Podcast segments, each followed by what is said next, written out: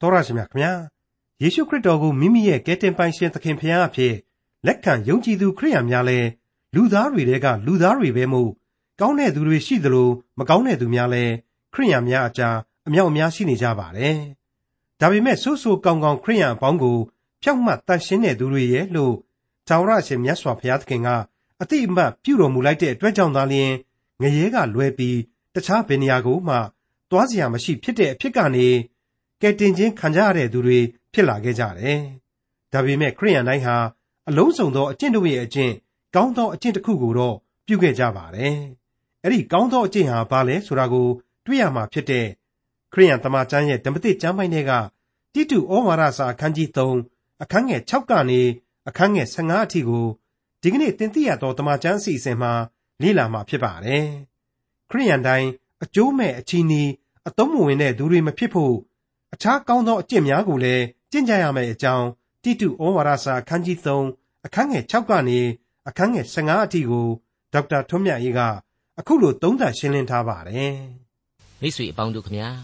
ဒီကနေ့နားဆင်ရမယ့်သင်ခန်းစာများနဲ့ကျွန်တော်တို့ဟာတိတုဩဝါဒစာကိုညီကုန်းချုပ်ပေးကြမှာဖြစ်ပါတယ်။ကရေတေဆိုတဲ့မြေထဲပင်လေကျွန်းကလေးတစ်ခုကအသင်းတော်စီကိုပေးပို့လိုက်တဲ့ဒီဩဝါဒစာဟာနှစ်ပေါင်း2000ချီကြာညောင်းခဲ့ပြီဖြစ်တဲ့သမိုင်းရှည်အတွင်းကသမိုင်းဝင်ယုံကြည်သူအသင်းတော်များနဲ့တကွ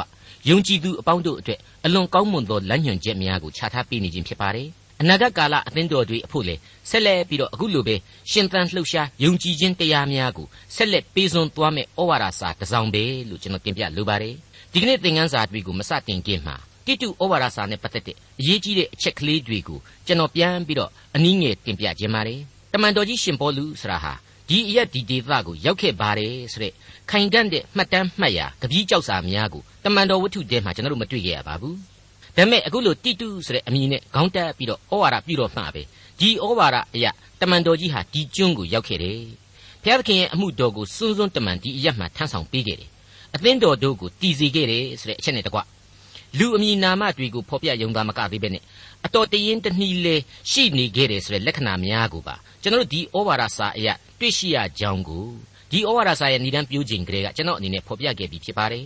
အဲ့ဒီလိုမှတ်တမ်းတို့ရဲ့ပြင်ပမှာတမန်တော်ကြီးသွားခဲ့တာဟာလေကရေတေတွေတော့မကပါဘူးနော်စပိနာလို့ခေါ်တဲ့စပိန်နဲ့ဥရောပမြောက်စွန်းဒီကိုတောင်မှတမန်တော်ကြီးဟာရောက်ခဲ့လိမ့်မယ်ဆိုတဲ့ကျွန်တော်တို့တင်ပြရသောတမန်ကျမ်းရဲ့အမြင်ကိုလည်းကျွန်တော်တို့အနေနဲ့ဖော်ပြခဲ့ပြီးပါပြီမိတ်ဆွေအပေါင်းတို့တမန်တော်ကြီးရှင်ပေါလုနဲ့တကွ ရှင်ပေတရုရှင်ယောဟန်ဘာနဘာစတဲ့တမန်တော်ကြီးတို့အပြင်အခုတိမောသေတိတုစတဲ့အမှုတော်ဆောင်လုပ်ငန်းတွေအမှုတော်ဆောင်တွေ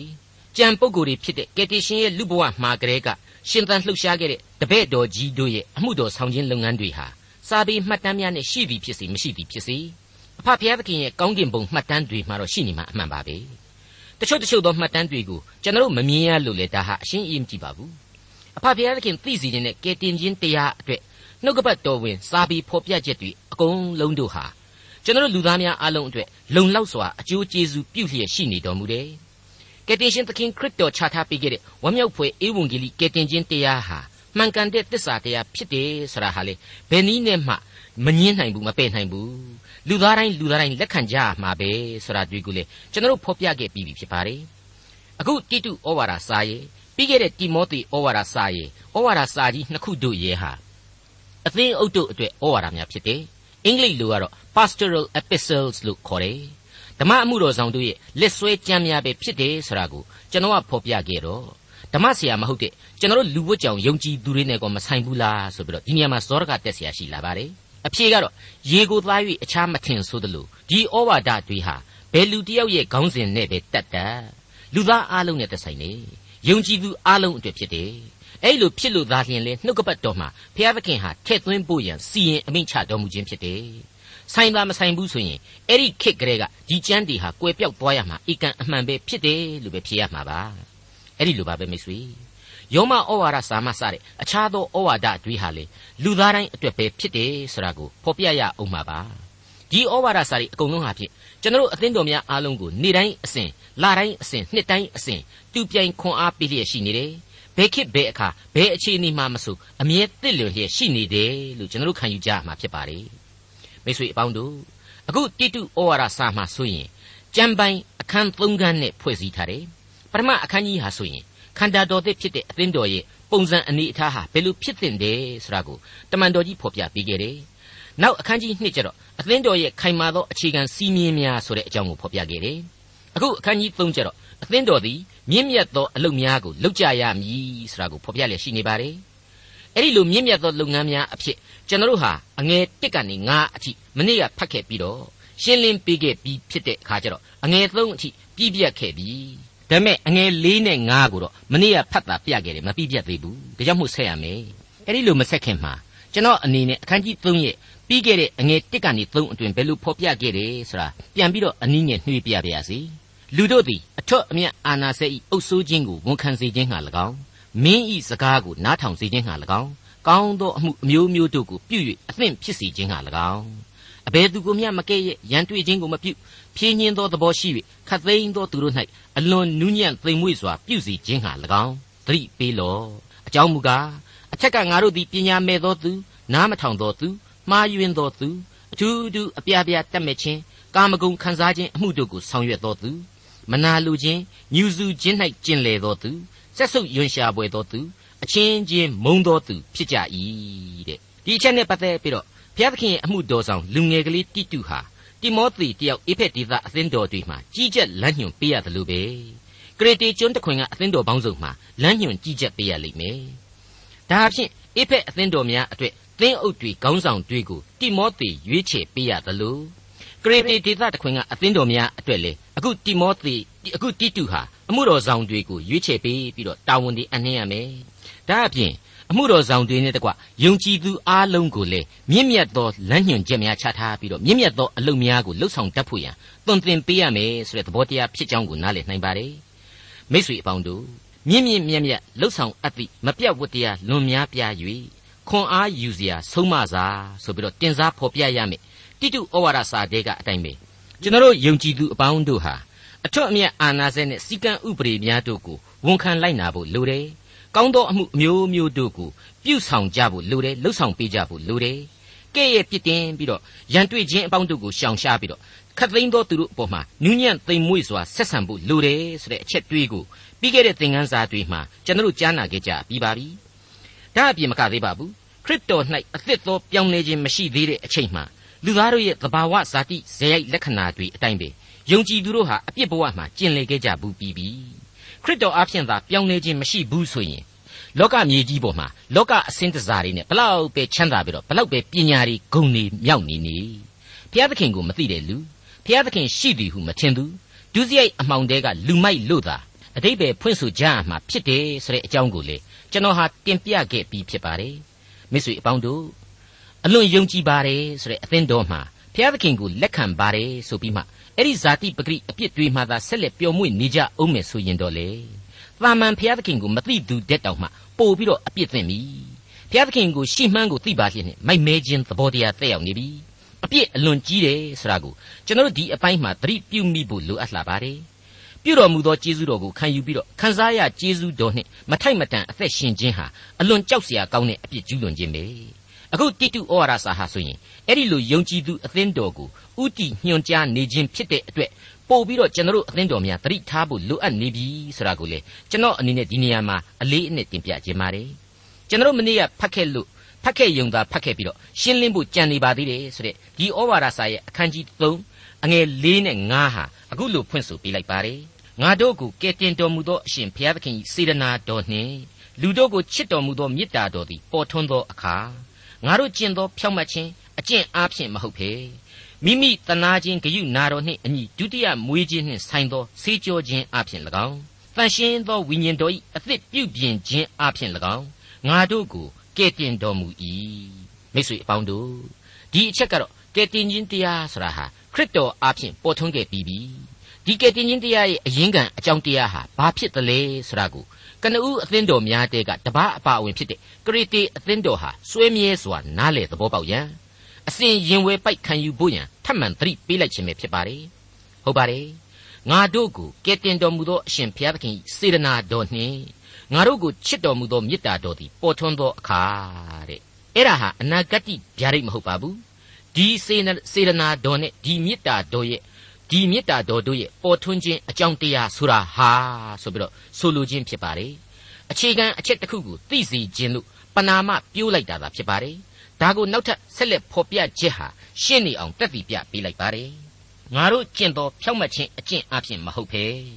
သေချာနားထောင်ပါနော်ငါတို့ကျင့်သောဖြောက်မှတ်ခြင်းအကျင့်အဖြစ်မဟုတ်ဖဲတဲ့ပြီးတော့မှဆက်ပါတယ်မိမိတနာခြင်းဂယုနာတော်နှင့်အညီဒုတိယမွေးခြင်းနှင့်ဆိုင်သောဆေးကြောခြင်းအဖြစ်၎င်း တန်ရှင်းသောဝိညာဉ်တော်၏အသစ်ပြုပြင်ခြင်းအဖြစ်၎င်းငါတို့ကိုကဲ့တင်တော်မူ၏တဲ့မိတ်ဆွေအပေါင်းတို့ခမညာငါတို့ကျင့်သောဖြောက်မှတ်ခြင်းအကျင့်အဖြစ်အရှင်းမဟုတ်တဲ့ရှင်းပါတယ်နော်ငါတို့ဤကောင်းမှုများငါတို့ဤသီလသမာဓိများငါတို့ဤကြိုးစားကြင့်ကြံမှုများကြောင့်အရှင်းမဟုတ်ဘူးဆိုပါလားဒီအပိုင်းမှာစောစောတုန်းကခရစ်တော်ကိုလက်မခံခင်စိတ်သက်လူသစ်ဘဝသစ်သို့မရောက်ခင်မှာငါတို့ဘဝဟာဘယ်လိုဖြစ်ခဲ့တယ်ဆိုတာကိုတွေ့ခဲ့ကြပြီးပါပြီနော်ပညာမဲ့၍ ဘုရားသခင်နှင့်ဝေသောဘဝ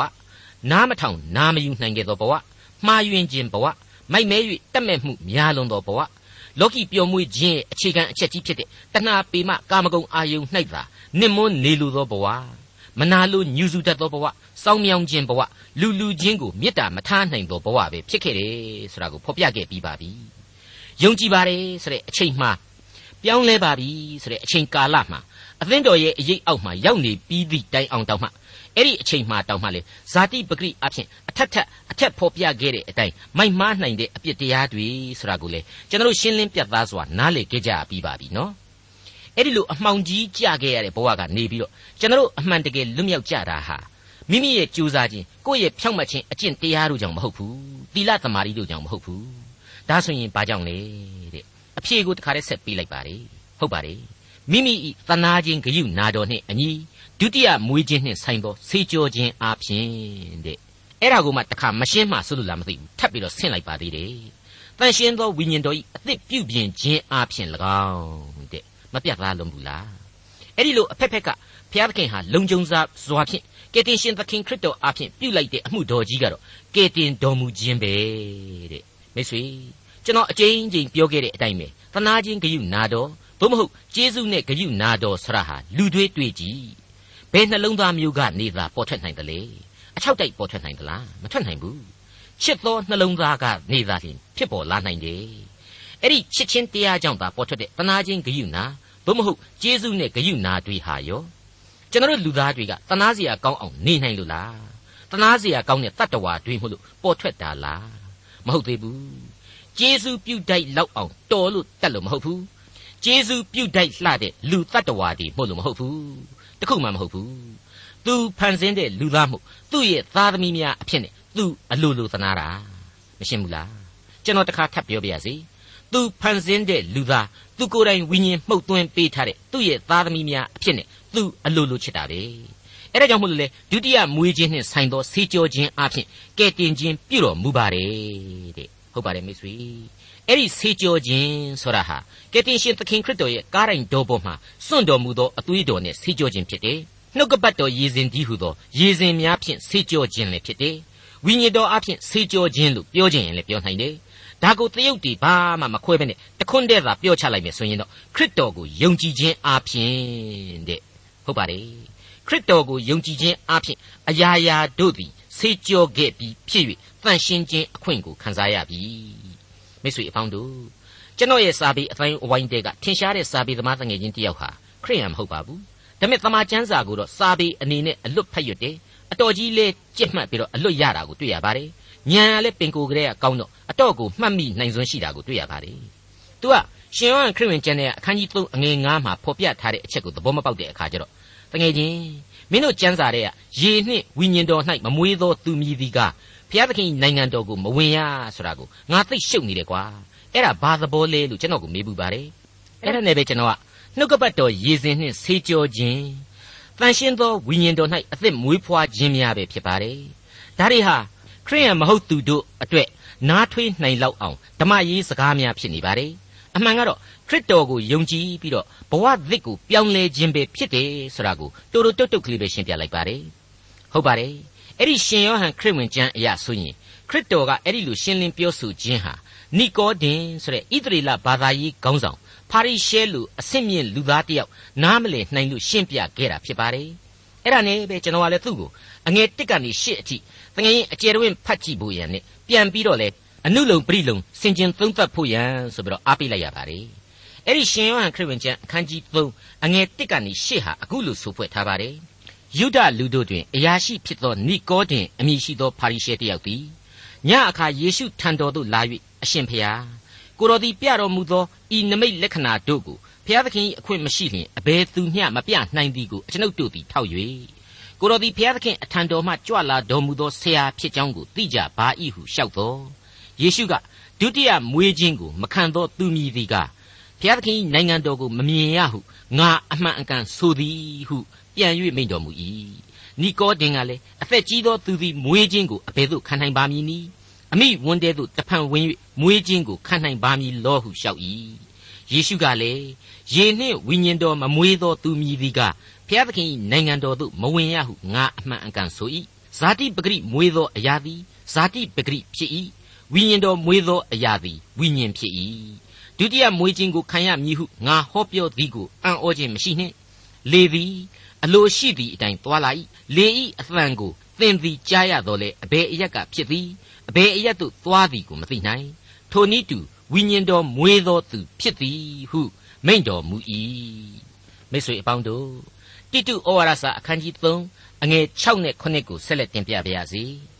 ငါတို့ကိုကယ်တင်သောအရှင်ယေရှုခရစ်အားဖြင့်ငါတို့အပေါ်သို့ထိုဝိညာဉ်တော်ကိုကြွယ်ဝစွာသွန်လောင်းတော်မူ၏အကြောင်းမူကားငါတို့သည်ဖျားသခင်၏ကျေးဇူးတော်အားဖြင့်ဖြောက်မတ်ရာသို့ရောက်၍သာဝရအသက်ကိုမျှော်လင့်သည်နှင့်အညီအမွေခံဖြစ်ကြမည်အကြောင်းဒီ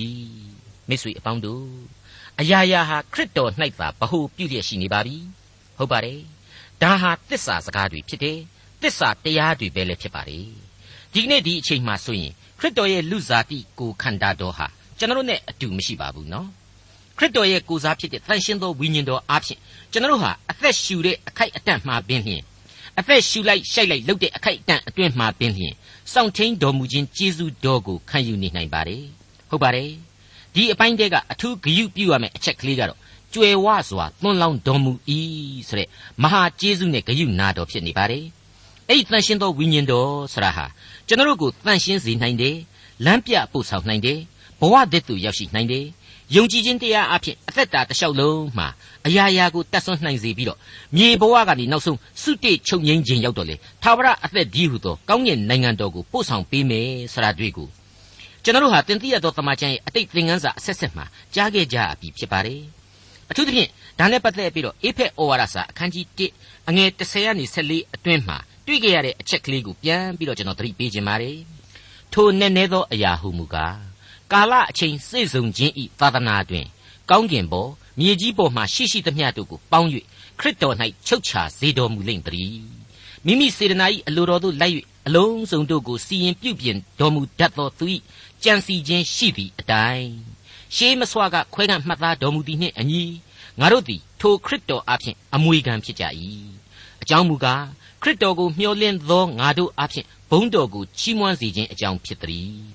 သင်တို့သည်လည်းကယ်တင်တော်မူခြင်းအကြောင်းနှင့်ရှင်သောဧဝံဂေလိတရားဒီဟုသောတမန်တရားကိုကြားနာရ၍ထိုခရစ်တော်ကိုယုံကြည်ပြီးမှဂရိတော်နှင့်ရှင်သောတန်ရှင်သောဝိညာဉ်တော်၏တစိ့ခတ်ခြင်းကိုခံရကြပြီပိုင်တိုက်တော်မူသောသူတို့သည်ဘုန်းတော်ကိုချီးမွမ်းခြင်းအကြောင်းနှင့်ရွေးနှုတ်တော်မူခြင်းသို့မရောက်မီကာလပတ်လုံးထိုဝိညာဉ်တော်သည်ငါတို့အမွေဤစေယံဖြစ်တော်မူ၏ မိတ်ဆွေအပေါင်းတို့အကြည့်အကျဲကြီးအချိန်ယူပြီးတော့ရှင်းဖို့လိုအောင်မှာပါလားမလိုတော့ပါဘူး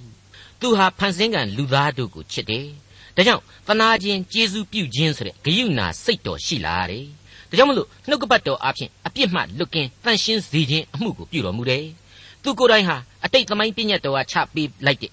ပြည့်ညတ်တော်ကဖော်ပြပေးထားတဲ့အပြစ်မှလွတ်ငင်းစေခြင်းရဲ့ရစ်ကောင်သိုးတငယ်အဖြစ်နဲ့ ကားတိုင်းတော်ပေါ်မှာကိုတော်တိုင်အသက်ကိုစွန့်ပြီးတော့အပြစ်မှကယ်တင်တော်မူခြင်းကိုပြုပေးခဲ့တယ်။သူ့ရဲ့တန်ရှင်းသောဝိညာဉ်တော်ကိုကျွန်တော်တို့အတွက်ခြံလှပ်ထားရပြီးတော့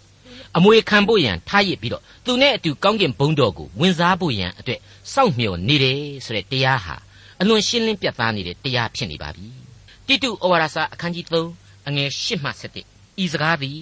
တစ္ဆာစကားဖြစ်၏ ဘုရားသခင်ကိုယုံကြည်သောသူတို့သည်ကောင်းသောအကျင့်တို့ကိုအမြဲကျင့်အံ့သောငှာသတိပြုရကြမည်အကြောင်းသင်သည်ဤအရာများကိုကြိုးစား၍ဟောပြောစေခြင်းဟာငါအလိုရှိ၏ထိုအကျင့်တို့သည်ကောင်းသည်သာမကလူတို့၏အကျိုးကိုပြုစုတတ်သောအကျင့်ဖြစ်ကြ၏မိုက်မဲသောပု္ပ္ပာအမေတို့ကို၎င်းဆွေစဉ်မျိုးဆက်စည်ရင်တို့ကို၎င်းပြည့်ညတ်တရားကြောင့်ရန်တွေ့ခြင်းတိုက်လှန်ခြင်းတို့ကို၎င်းရှောင်လော့အကြောင်းမူကားထိုအရာတို့သည်အကျိုးမရှိ အချီးနှီးတက်တက်ဖြစ်ကြ၏သင်ခွဲသောသူကိုနှစ်ကြိမ်မြောက်အောင်ဆုံးမပြီးမှပယ်ရှားနှင်ထုတ်လော့ထိုသို့သောသူသည်ကိုအပြစ်ကိုသိလျက်ပင်အပြစ်ပြု၍မှောက်လှန်သောစိတ်ရှိသောသူဖြစ်သည်ကျွန်တော်ရဲ့ယင်ထဲမှာကတော့ကောင်းသောအကျင့်ဆိုတဲ့အသံဟာသိပ်ပြီးတော့စွဲနစ်စေတယ်လို့ခံယူမိပါတယ်ခံစားမိပါတယ်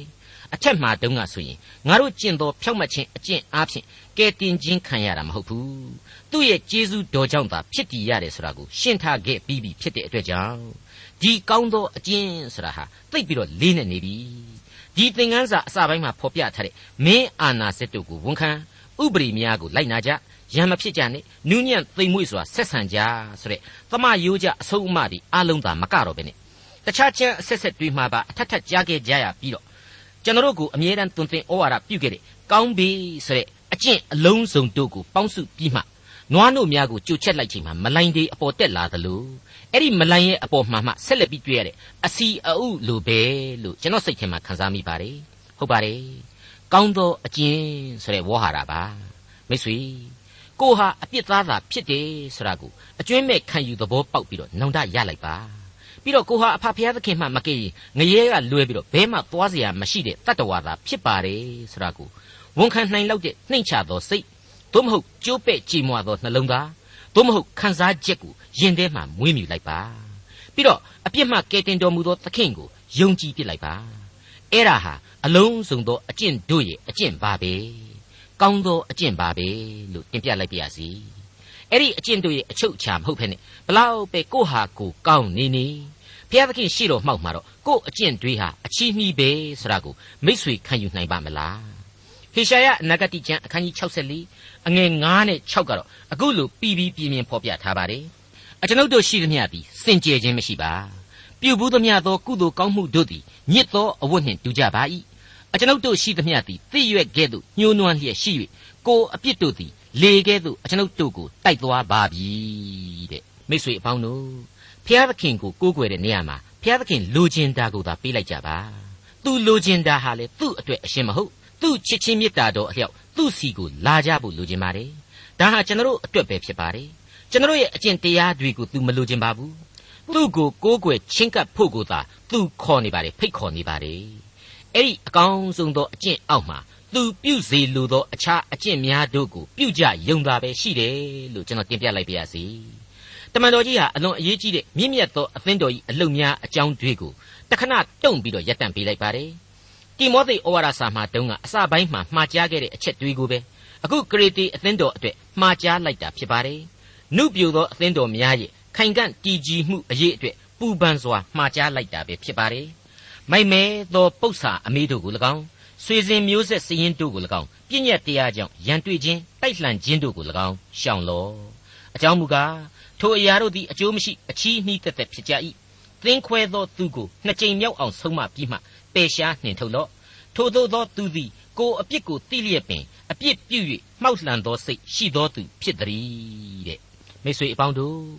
ဝမ်းမြောက်ဖွယ်ဧဝံဂေလိအလင်းတရားသတင်းစကားကဲတင်ချင်းတရားကိုထွေပြားအောင်ပြုလုပ်ခြင်းတဲ့ ဆိုးရွားသောတစ္ဆာဖောက်မှုဘယ်မှမှမရှိတော့ဘူးလို့ပဲတင်ပြလိုက်ပါရစေတိတုဩဝါဒစာအခန်းကြီး3အငယ်7မှ14အာတိမတော်၎င်းတုခိတ်တော်၎င်းသင့်စီတို့ငါဆေးလွတ်သောအခါနိကောပလိမြို့တိုင်အောင်ငါထံသို့လာခြင်းငှာကြိုးစားလော့ဆောင်းကာလပတ်လုံးထိုမြို့၌ငါနေမည်ဟုအကြံရှိ၏ကျမ်းဆရာဇေနနှင့်အာပေါလု၌အဘယ်အရာမျှမလိုစီခြင်းငှာကြိုးစား၍လမ်း၌ပို့လော့